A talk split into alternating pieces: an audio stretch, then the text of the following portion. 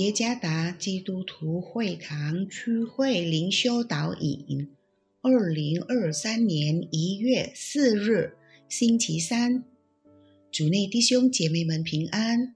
今天的灵修导引，我们要借着圣经启示录第五章第九到第十节来思想今天的主题：你们是君尊的祭司。作者。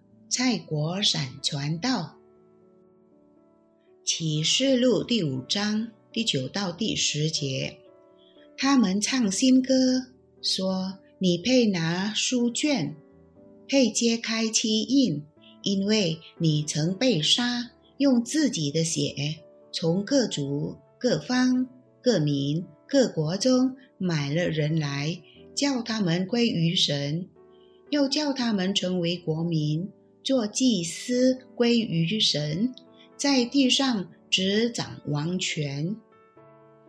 宗教改革的其中之一要点就是，所有圣徒是祭司的教导。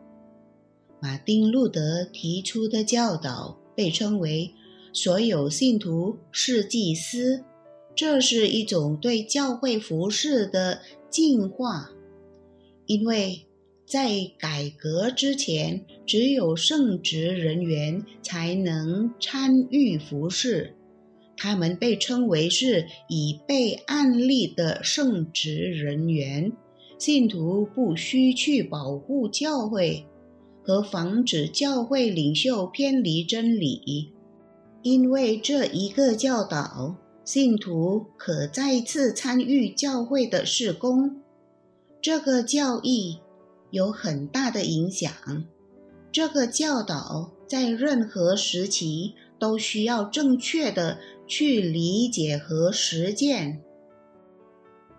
我们今天的灵修经文读到长老们献出一句赞美的话，说：“你，上帝，使他们会众成为上帝的国度，做祭司。”这句话。与彼得前书第二章第九节记载的“你们是君尊的祭司”平行，这意味着信徒是君尊的祭司，是侍奉君王耶稣的祭司。是什么因素让信徒被称为君尊的祭司？第一，这身份是因这基督的作为。他已先服侍我们，救赎我们，为我们的罪而死。耶稣基督完成了救赎工作。被封密的书卷只有上帝的羔羊才能打开，除基督以外，没有人能打开有印的书卷。这说明，除了耶稣基督之外。没有人能够完成救赎的工作。第二，以新的身份产出了新歌，脱离旧约的观念。旧约的生活就是唯独祭司才能执行圣职。其实，参与服侍的祭司是来自各地各族各方。这意味着信徒。都可以按照个人的恩赐和才干服侍神。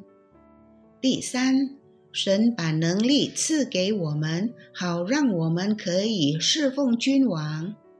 神把能力赐给我们，好让我们这些圣职人员能够侍奉他。神赐圣职人员能力，成为传扬神话语的传道。也把能力赐给执事，就是在教会没有全职侍奉的人。